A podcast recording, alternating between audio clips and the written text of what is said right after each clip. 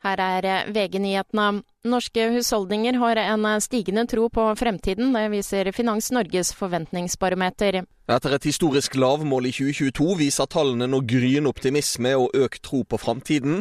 Men nordmenns forventninger til egen og norsk økonomi for første kvartal er fortsatt svært lave, sammenlignet med tidligere år.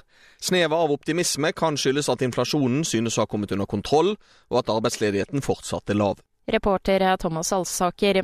Troms fylkeskommune krever 4,5 millioner kroner av Forsvaret for skader på fylkesveinettet etter øvelser i perioden 2021 til 2023. Skadene omfatter både veidekke og veiobjekter, skriver Nordlys.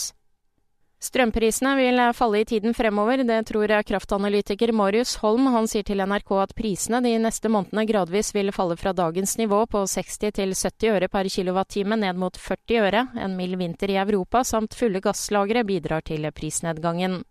Musikkprisen Spellemann skal ikke lenger vises på NRK, i stedet skal den livestreames via Nettavisens og Amedias kanaler. Spellemannsprisen, som er en prisutdeling til norske musikkartister, er blitt vist på tradisjonell TV i 50 år. I studio Kristin Strand, nyhetene får du alltid på VG.